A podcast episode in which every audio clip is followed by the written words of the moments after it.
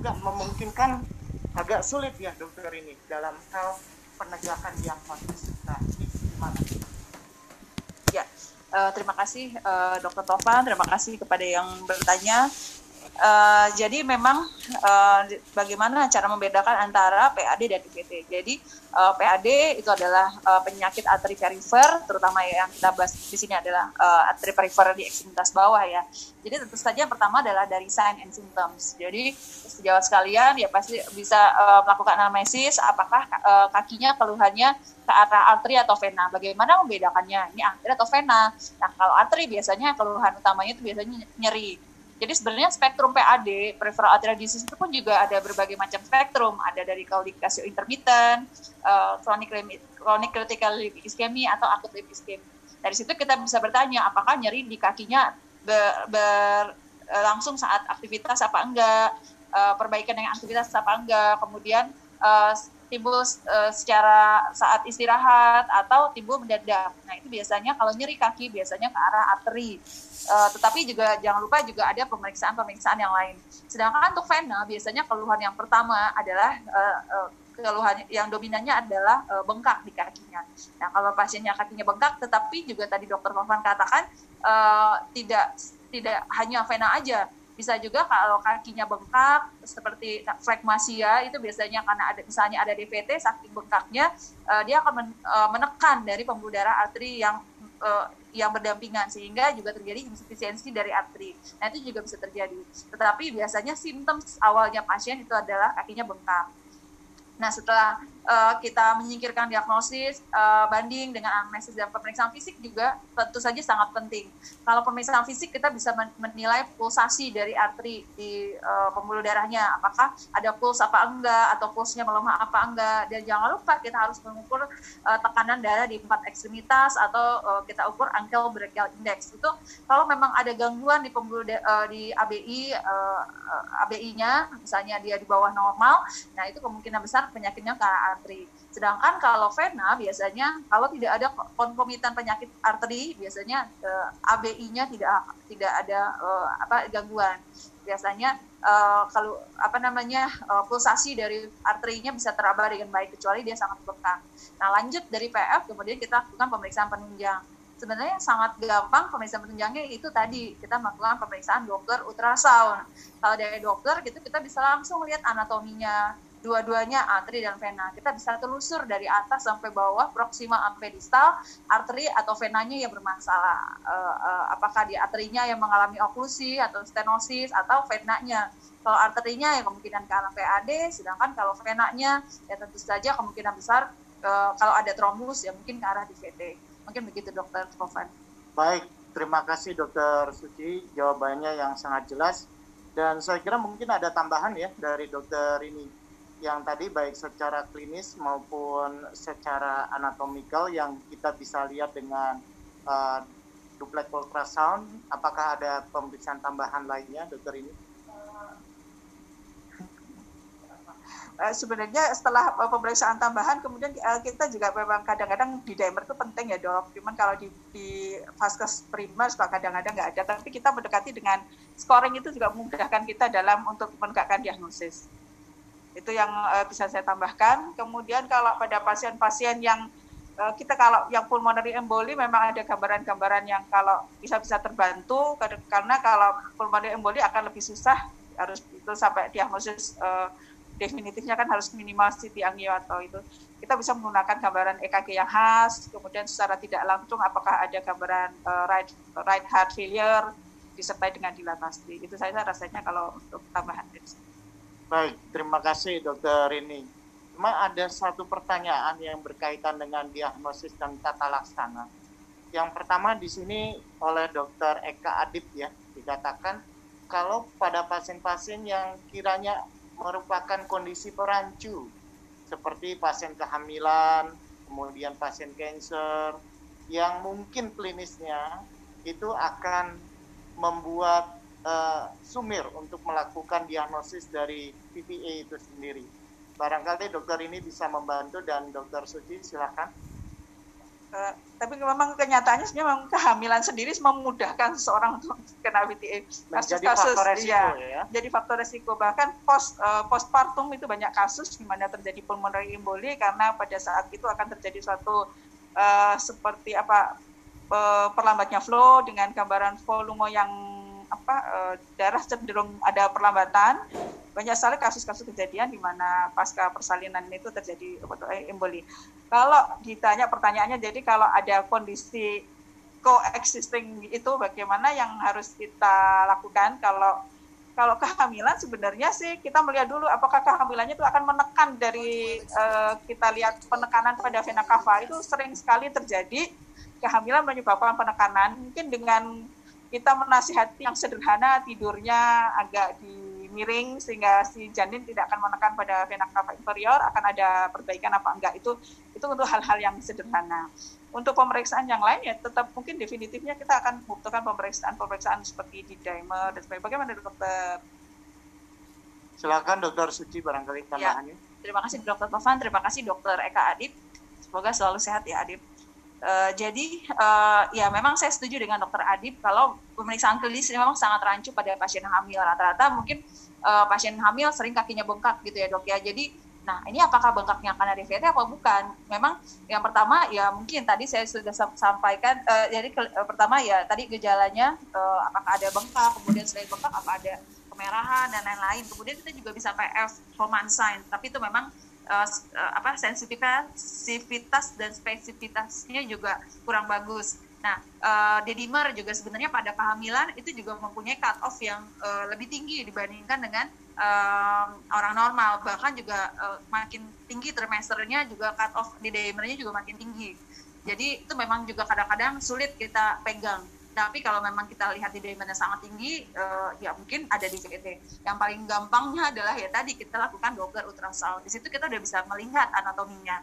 Uh, apakah ini memang ke arah uh, apa namanya apakah ke arah DVT atau memang CPI CPI juga sering sering terjadi pada ibu hamil karena memang mungkin susah dar uh, apa uh, darahnya terkom uh, venanya terkompresi karena kehamilan itu juga sering terjadi CPI pada uh, ibu hamil. Jadi dengan uh, simple kita bisa melakukan choose compression ultrasound, jadi kita sudah bisa melihat apakah ini DVT atau bukan.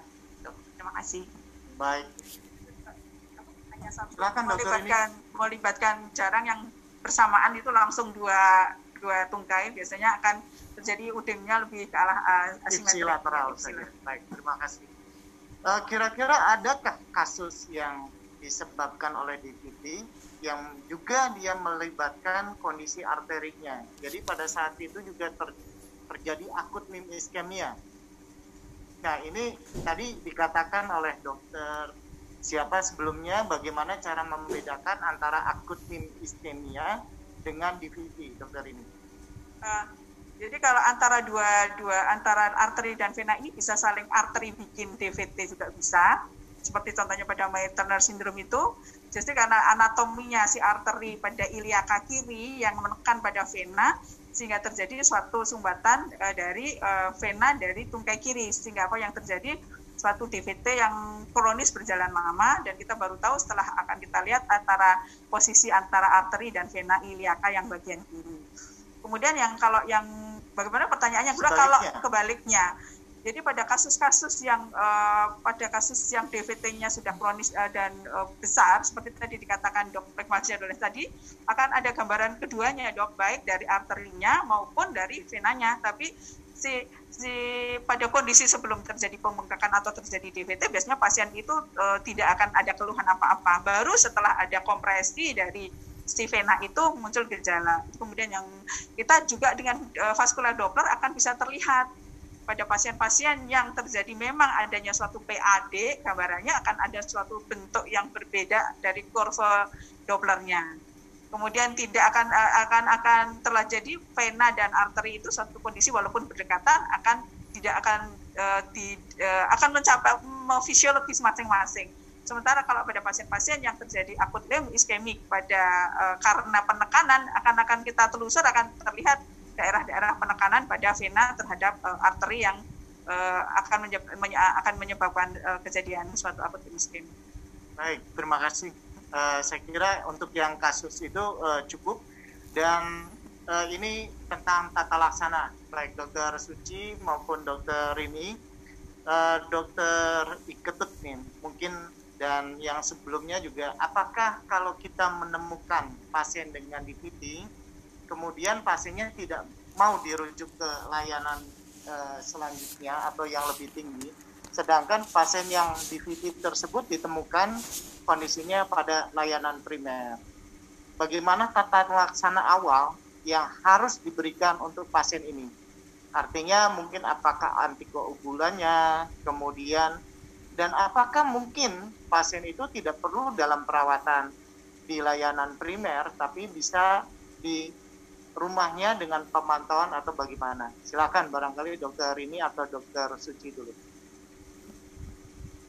Oke, ya terima kasih. Uh, jadi uh, memang cornerstone terapi dari uh, eh, DVT itu adalah pemberian antikoagulan. Jadi jika kita sudah mencurigai adanya DVT, berilah antikoagulan. Itu saja sebenarnya juga sudah sudah cukup uh, tadi juga spesifik kalau kita akan melakukan tindakan trombolitik itu juga tidak pada semua kasus. Itu hanya pada kasus terpilih. terpilih. Tadi misalnya pada pasien dengan proks, akut proximal DVT dengan atau yang kedua adalah dengan pemberian antikoagulan tapi dia nggak nggak ada perbaikan. Atau dia yang terakhir adalah limb threatening. Jadi tadi misalnya kena juga ke apa menekan arterinya. Nah itu pada kasus-kasus seperti itu yang kita biasanya melakukan uh, apa namanya uh, tindakan yang lebih agresif sehingga perlu kita rujuk. Tetapi jika teman-teman sejawat sekalian menemukan pasien dengan kakinya bengkak, pemeriksaan nggak ada nih dok, mau diapain? Ya tadi kita periksa dari uh, simptom, selain kita melihat uh, kakinya, kita pasti harus mencari faktor risiko. Apakah ini dia mempunyai cancer apa enggak? Apakah ada kelainan-kelainan uh, genetik atau auto ya autoimun juga susah mungkin dari lab ya, tapi mungkin kita bisa menyingkirkan penyakit-penyakit uh, bawaan dan lain-lain. Kemudian uh, selain itu juga kita bisa uh, menghitung dari well score. Kalau dari well score-nya well score-nya tadi itu sudah likely dan kita tidak bisa memeriksa apa pun, nggak ada dedimer nggak ada, antikoagulan nggak ada. Kalau pasiennya tidak high risk bleeding, ya tentu saja kita dari uh, dari beberapa uh, reference memang mengatakan bahwa kita bisa memberikan pemberi, uh, antikoagulan. Kita bisa menunda untuk melakukan uh, Doppler uh, sampai 24 jam. Tapi kalau memang kita bisa melakukan pasien juga mau dirujuk dalam 24 jam, ya kita bisa lakukan pemeriksaan lanjutan. Nah, bagaimana dengan di rumah? Kalau kita sudah sangat yakin sekali pasiennya memang ada DVT dan pasiennya well educated, artinya kalau ada perdarahan dia uh, bisa langsung kontak dekat dengan rumah sakit dan uh, dan obatnya juga pasti akan diminum. Uh, itu bisa kita memberikan tadi uh, oral antikoagulan uh, terutama yang uh, NOAC tadi contohnya misalnya rivaroxaban itu sebenarnya dari fase akut itu dari awal uh, dari trialnya memang tidak tidak di bridging dengan uh, heparin terlebih dahulu. Jadi bisa diberikan di rumah. Mungkin pada keadaan kondisi DPT yang distal, yang poplitea ke bawah. Nah itu kalau memang adiktivity, pasiennya juga masih muda, tidak high risk bleeding, kita bisa lebih tenang, kita bisa memberikan obat untuk di rumah, kemudian kita bisa suruh kontrol seminggu lagi misalnya. Kita bisa uh, dengan aman kita berikan tentu saja dengan edukasi-edukasi tertentu kepada pasien tersebut. Begitu dokter. Baik, terima kasih. Silakan dokter ini ada tambahan. Saya rasa sudah mencukupi, hanya mungkin bisa akan lebih mudah lagi kalau kita di rumah kita pakai uh, di elevasi, kemudian di bebat agak kencang, itu juga akan mempermudah mempercepat setelah um, pemberian adanya suatu oral antikoagulan. Baik, terima kasih dokter ini.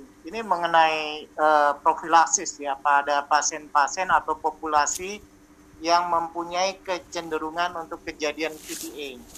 Dan di sini dikatakan oleh dokter pada pemberian heparin itu kira-kira dosis yang pas untuk pada pasien profilaksis itu berapa dosisnya. Kemudian pilihan pada pasien dengan kehamilan dokter ini. Karena tadi disampaikan bahwa kehamilan juga mempunyai prone untuk kejadian VPA tetapi pilihan yang tepat pemberian antikoagulan pada semester 1 barangkali, kemudian semester 2 dan semester 3 menjelang uh, persalinan. Uh, saya rasa pemberian uh, uh, antikoagulan yang aman biasanya un, uh, unfractionated itu juga uh, cukup aman, bisa diberikan Uh, kemudian pada pasien uh, sampai trimester 2, kemudian pada trimester ketiga masih bisa diberikan sampai berapa ya dok? Sekitar 30, 32 ya untuk pemberian unfractionated pada pasien-pasien yang uh, uh, menjelang menjelang persalinan. Itu saya rasa dok untuk profilaksisnya, untuk dosisnya mungkin dok uh, satu kali tergantung apa yang akan kita berikan bisa unfractionated bisa heparin ya dok. Tapi kalau heparin kan karena tidak praktikal kita lebih kalau memang harus diperlukan kita biasanya menggunakan unfractionated heparin uh, enoxapan. Baik. Dokter Silakan, Suci mau. Dokter Suci barangkali mau menambahkan kalau misalnya di pelayanan tersebut tidak tersedia LMWH yang sudah sangat praktis sekali kita berikan, tetapi adanya uh, eh, UFH. Jadi untuk pemberian sukutan apakah masih memungkinkan di pelayanan primer tersebut? Untuk profilaksis atau untuk terapi dok? Praksis. Oh, uh, oke. Okay. Untuk profilaksis, jadi kalau misalnya pasien profilaksis ini sebenarnya kan nggak untuk semua pasien ya. Jadi biasanya kita memberikan profilaksis adalah untuk pasien dengan high risk terjadinya VTI. Biasanya ini uh, paling sering kita dikonsulkan pada pasien mau uh, ortoped orthopedic surgery uh, total hip, total knee replace nih uh, atau pada pasien yang kayak sekarang pada COVID. Nah ini juga uh, mengemuka uh, apa masalahnya saat ini. Perlukah kita memberikan profilaksis? Tadi memang uh, profilaksis itu tidak kita tidak memberikan oral antikoagulan atau NOAC itu juga memang belum ada tempatnya. Karena um, kalau pasiennya pada fase akut dia bisa berinteraksi dengan obat-obatan kemudian kalau ada gangguan fungsi ginjal dan lain eh, liver dan lain-lain. Biasanya kita memberikan tadi pilihannya UFH unfractionated heparin atau LMWH tadi dokter ini sudah menyebutkan kalau nggak ada LMWH ya boleh dengan UFH biasanya kalau UFH kita bisa memberikan uh, dosisnya seputan. Jadi uh, biar kalau untuk terapi kan kita biasanya memberikan drip dengan pemantau pemantauan APTT 60 sampai 80 unit 18 unit per kilo per jam dengan target APTT 2 sampai 3 kali uh, kontrol. Sedangkan kalau untuk dosis profilaksis biasanya kita memberikan seputar 5000 unit, tapi itu biasanya setiap uh, 8 uh, 2 kali sehari. Ya, 2 kali sehari, Dokter. Baik, terima kasih Dokter Suci uh, tambahannya. Nah, ini seperti ada obat juga, LASTA, tapi ini klinikal, dokter ini. Uh -uh. Jadi antara selulitis dengan DVT itu kan hampir-hampir sama. Itu sulit sekali untuk membedakannya apakah ini DVT, apakah selulitis, apakah pasiennya boleh uh, dipulangkan atau harus rawat. Nah, itu bagaimana? Uh, cara membedakan yang khas untuk melihat suatu kondisi klinis antara selulitis dengan DVT eh, biasanya kan kalau kemerahannya sama ya dok. Biasanya kalau pada selulitis itu kalau pada pasien-pasien dengan eh, DVT secara pemeriksaan fisiknya sih kemerahannya hampir sama. Tapi biasanya kalau pada DVT itu ketika kita tekan biasanya dia lebih smooth dibandingkan pada selulitis. Itu yang uh, saya tahu. Kemudian ya tentu saja kita bisa lakukan pemeriksaan-pemeriksaan uh, penunjang yang lain seperti uh, biasanya di dimer, biasanya di dimer akan walaupun pada selulitis juga bisa meningkat, tapi biasanya akan lebih bermakna pada pasien-pasien dengan DVT.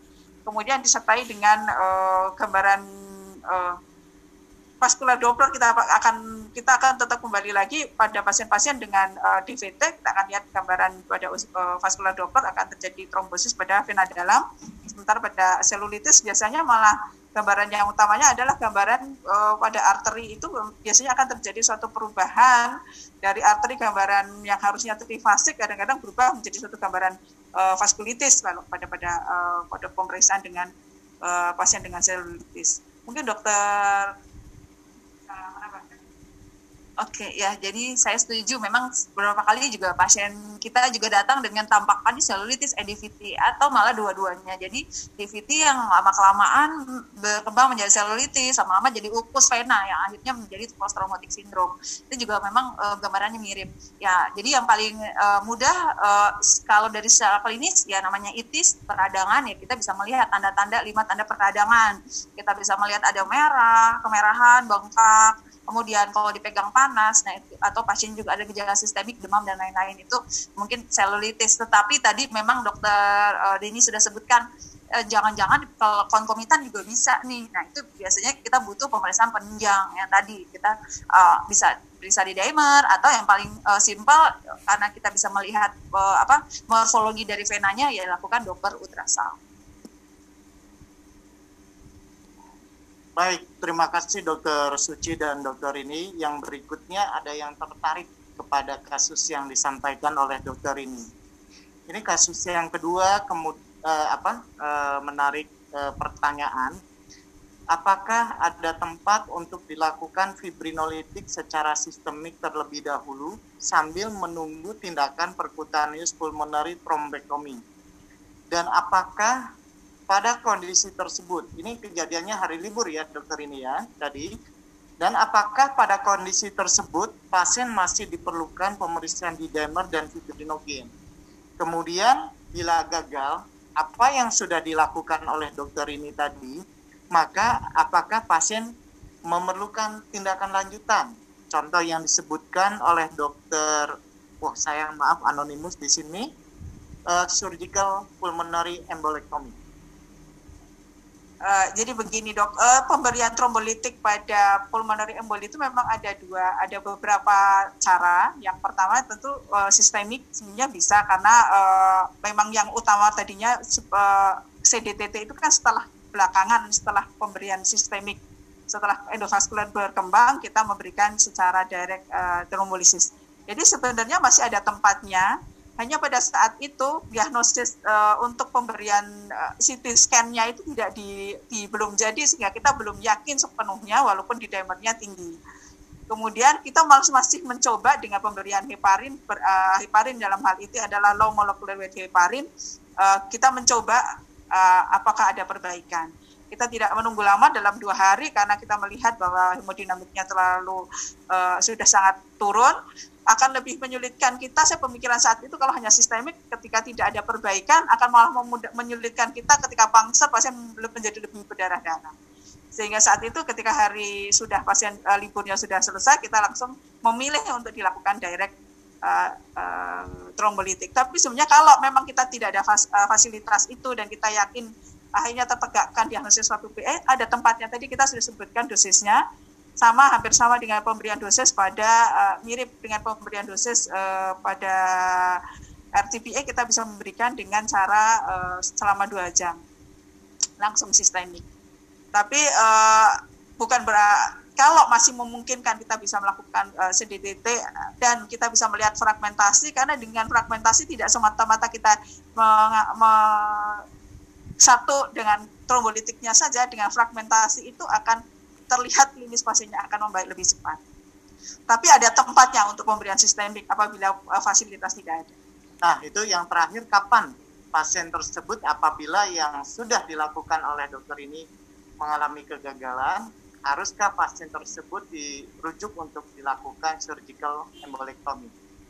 Uh, ada tempatnya, tapi sepanjang saya sepanjang saya berpraktek ternyata saya justru tidak punya pengalaman sampai pasien harus karena biasanya akan pasien akan membaik begitu trombusnya yang di main pulmonary artery maupun di LPA maupun di RPA di uh, kita mechanical itu pasien secara klinis membaik. Jadi uh, secara teoritis ya, tapi secara pengalaman saya tidak pernah punya belum pernah punya pengalaman sehingga pasien sampai harus uh, tindakan ke arah uh, operasi. Tapi kalau berdasarkan tadi guideline dari IST ada tempatnya uh, untuk diberikan uh, operasi. Baik, terima kasih. Jadi kapan justifikasi pasien? Oh ini pasien uh, seyogianya harus surgical embolectomy da, atau cukup dengan percutaneous uh, thrombectomy?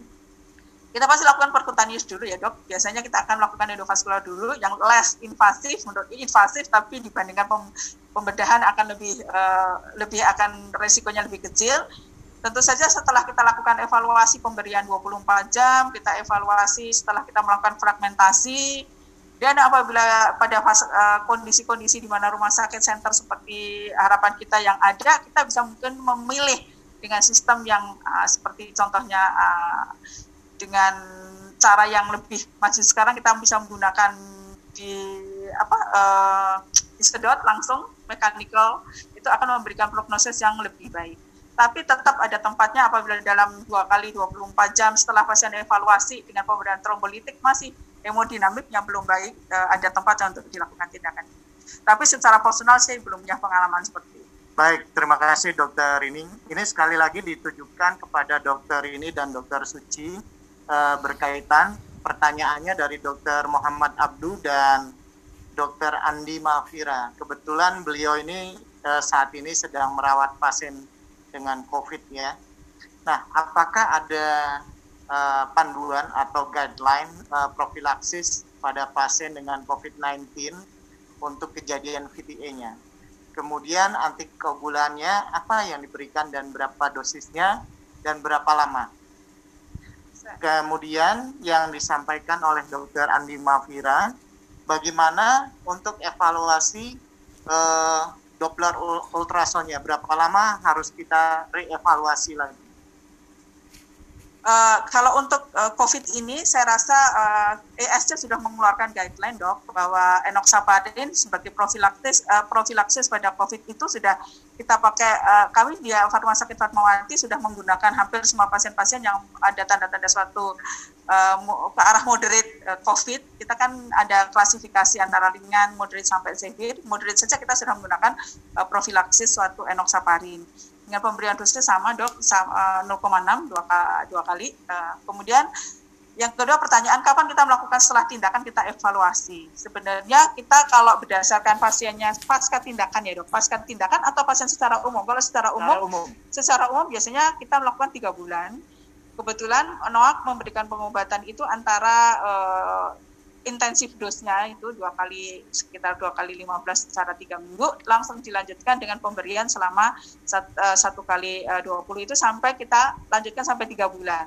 Biasanya kita lanjutkan uh, kita evaluasi setelah selesai terapi itu setelah tiga bulan. Dari situ kita akan lihat apakah pasien masih memang ada gambaran DVT uh, kita bisa tetap melanjutkan pemberian oral antikoagulan tersebut. Mungkin dokter Silakan dokter Suci. Ya, jadi lebih kurang sama dengan dokter ini. Jadi memang uh, pasien dengan COVID memang karena uh, karena patofisiologi dan patogenesisnya juga katanya mirip dengan autoimun, jadi ada gangguan hiperkoagulasi, jadi memang berisiko terjadinya VTI. Jadi memang uh, ada tempatnya untuk diberikan profilaksis, tapi pada kondisi pasien yang mana? Saya juga setuju pernah membaca juga uh, pasien COVID itu dibagi atas uh, tiga mild, moderate, uh, dan severe. Severe itu critically ill, apalagi memang sudah di ICU, sudah intubasi dan lain-lain. Kalau pasiennya sipir, biasanya kita otomatis memberikan, ya dok ya dok ya. Jadi memang diberikan DVT profilaksis, baik itu dengan LMWH atau UFH. Tergantung juga dengan nanti kita lihat uh, resiko bleedingnya. Sedangkan atau untuk dia mild to moderate, biasanya kita melihat uh, resiko untuk terjadinya VTE. Kalau untuk di rumah sakit sendiri, kalau pada pasien yang dirawat itu ada sebenarnya ada skor, namanya PA2 score sama improve score. Jadi kalau PA2 atau improve improve score skornya itu tinggi biasanya kalau di atas 4 itu biasanya ada tempatnya kita memberikan uh, apa namanya profilaksis untuk DVT pada pasiennya COVID tapi kalau uh, risiko untuk terjadinya VTI-nya kecil apalagi biasanya kita bisa melihat panduan dari di dimer ya dok. Jadi kalau memang di dimernya uh, tinggi kita periksa ya kita ada tempatnya kita memberikan uh, uh, apa uh, profilaksis untuk VTI ini.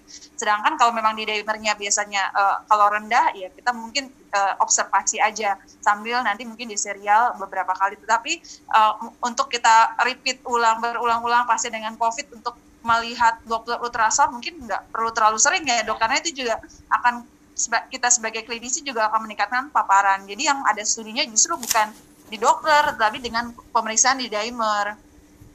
Ya. Eh, selain pemeriksaan di dimer, uh, itu juga ada pemeriksaan CT angio, di mana gambaran dianggap suatu biasanya pada pasien-pasien dengan COVID itu gambarannya suatu seperti mikrotrombosis kemudian di daerah uh, distal dari cabang, jadi ke arah bilateral paru. Perburukan itu juga suatu uh, salah satu indikasi untuk uh, pemberian uh, antikoagulan. Terima kasih dokter ini uh, dan dokter Suci eh, seperti kita ketahui bahwa penggunaan eh, antikoagulan itu kan mbak menggunakan mata pisau bermata dua ya. Kalau indikasi terapeutiknya baik, maka outcome-nya pasiennya lebih eh, membaik atau malah sehat. Tetapi komplikasi perdarahan juga perlu diperhitungkan sebagaimana apa yang ditanyakan oleh uh, salah satu peserta webinar ini bagaimana cara kita mengevaluasi untuk tidak sampai mendapatkan kontra uh, bukan kontraindikasi tapi komplikasi dari perdarahan yang di uh, apa yang ditemukan pada pasien dengan pemberian antikoagulan. Kemudian apakah ada tempat dalam tata laksana VTA ini pemberian antitrombotik. Kapan kalau kita memberikan antikoagulan dan antiplatelet juga. Kemudian seperti kita ketahui VT itu hampir lumrah manifestasinya dengan bengkak. Nah, kadang-kadang di lapangan kita juga eh, biasa eh, kalau bengkak dalam tanda ini biasanya ada suka memberikan furosemid. Di sini ada tempatkah pemberian furosemid pada kasus-kasus VTA khususnya di VT? Itu yang disampaikan oleh salah satu peserta webinar siang ini sebagai mungkin penutup untuk uh, webinar ini. Uh, silakan Dokter Suci atau Dokter ini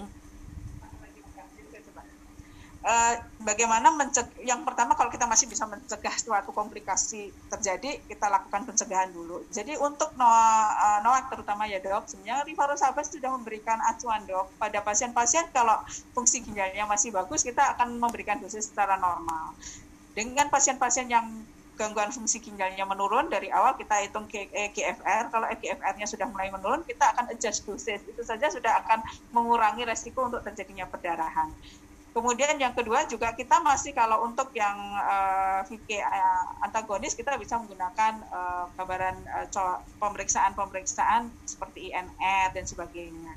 Itu untuk uh, mencegah uh, bagaimana kita mengantisipasi untuk uh, supaya tidak terjadi uh, side side effect atau dari efek perdarahan dari pasien itu. Kemudian pertanyaan yang kedua bagaimana dok tadi? Oh, low. Uh, ya, kadang-kadang kita bingung. Uh, suatu kejadian saya masih ingat sekali, salah satu senior guru saya di sini mengatakan pasiennya sesek sekali, diberikan masif, bukannya malah bagus, malah pasiennya makin memburuk pada kondisi pulmonary emboli itu akan saya ingat sekali. Jadi sebetulnya pemberian uh, furosemid pada kasus-kasus DVT itu kadang-kadang malah jadi malah merugikan. Karena kenapa? Dengan diuresis tadi volume kepekat apa ya uh, kepekatan dalam tanda petik di dalam vena akan menjadi lebih besar karena terjadi dehidrasi dia terjadi diuresisnya tadi sehingga bukannya perbaikan justru yang terjadi adalah suatu perburukan dari DVT kalau pemberian kita tidak hati-hati dengan pemberian furosemid. Barangkali ada tambahan dari Dokter Suci mengenai kapan kita juga memberikan antiplatelet dan atau single saja cukup diberikan untuk antikoagulan. Oke. Ya, jadi tadi menyambung masalah uh, tadi furosemid ya, memang sudah eh, saya ingin menambahkan saja karena juga tadi melihat uh, bagaimana caranya untuk mengurangi bengkaknya ya. Uh, sebenarnya ada uh, cara yaitu dengan menggunakan stocking. Dengan pemberian stocking atau dengan elevasi kaki eh, stocking kan kita pakai seharian. Nah kalau malamnya mungkin kita bisa mengedukasi dengan elevasi kaki ketika pasien tidur. Uh, uh, ada dari trial shock trial itu ternyata memang uh, penggunaan uh, stocking sebenarnya tidak dia bilang tidak mempengaruhi angka kejadian post traumatic syndrome. Tetapi untuk gejala bengkak edema itu biasanya akan perbaikan jadi mungkin tidak ada salahnya kita bisa meresepkan atau memberikan uh, stocking untuk pasien. Kalau memang kita di daerah nggak ada stocking, ya mungkin kita bisa dengan manual dengan uh, elastik perban kita bisa edukasi pasien ini caranya ini tekanannya seberapa untuk mengurangi uh, simptom dari bengkak dan uh, nyeri atau berat karena bengkak tersebut.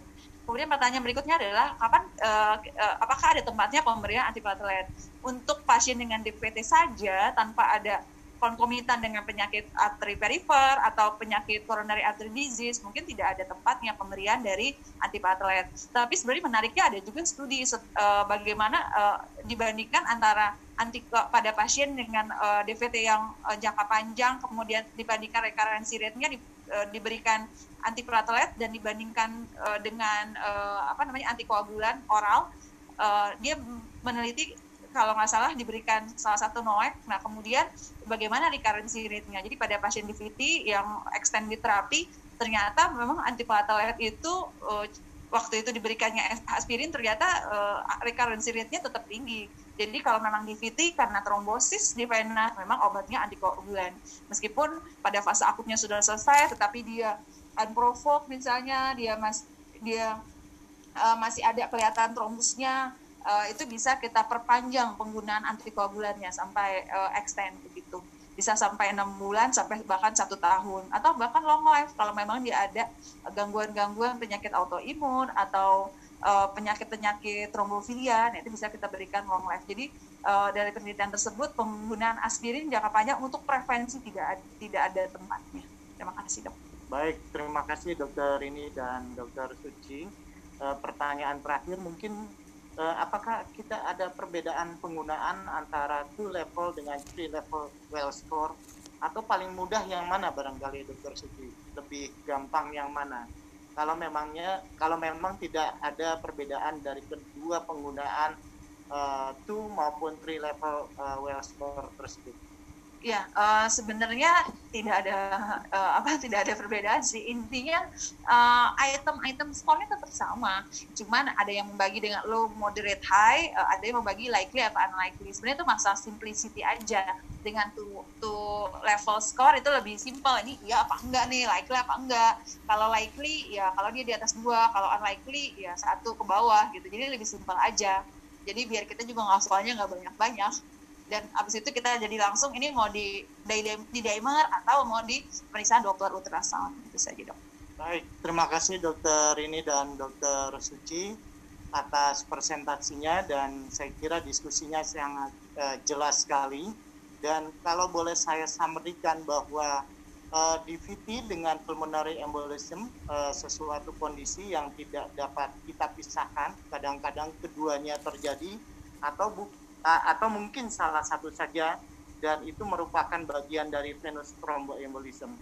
Dan beberapa guideline mengatakan bahwa PPA itu memang angka kejadiannya tinggi, tetapi e, untuk diagnosisnya sangat rendah karena mungkin e, gambarannya mirip dengan e, kondisi disease yang lainnya dan mortalitasnya cukup tinggi bisa sampai 70 sampai 80 persen kalau tidak dilakukan tata laksana uh, dengan baik ya dokter ini dan dokter Suci. Kemudian pemberian inisial, long term dan extended dengan antikoagulan itu merupakan suatu kondisi yang uh, mutlak diberikan dan apabila memerlukan kondisi intervensi maka juga harus dilakukan pada referral yang lebih tinggi barangkali tidak hanya kita melakukan tata laksana pada tingkat pelayanan primer saja. Bahwa penggunaan antikoagulan itu mempunyai kondisi yang eh, kontra bukan kontraindikasi tetapi juga eh, mempunyai efek samping yaitu tadi sudah disampaikan bahwa perdarahan. Nah, ini yang harusnya juga kita evaluasi sama-sama bahwa pasien tersebut yang sudah kita berikan antikoagulan apakah mempunyai kondisi high risk bleeding atau tidak dan tadi sudah disampaikan oleh dokter ini maupun dokter Suci. Sekali lagi saya ucapkan terima kasih kepada dokter Suci dan dokter ini yang sudah menyampaikan presentasi kuliah siang ini dengan baik dan sangat jelas dan saya ucapkan terima kasih kepada seluruh uh, peserta webinar kuliah staf pendidikan Departemen Kardiologi dan Kedokteran Vaskular FKUI Rumah Sakit Jantung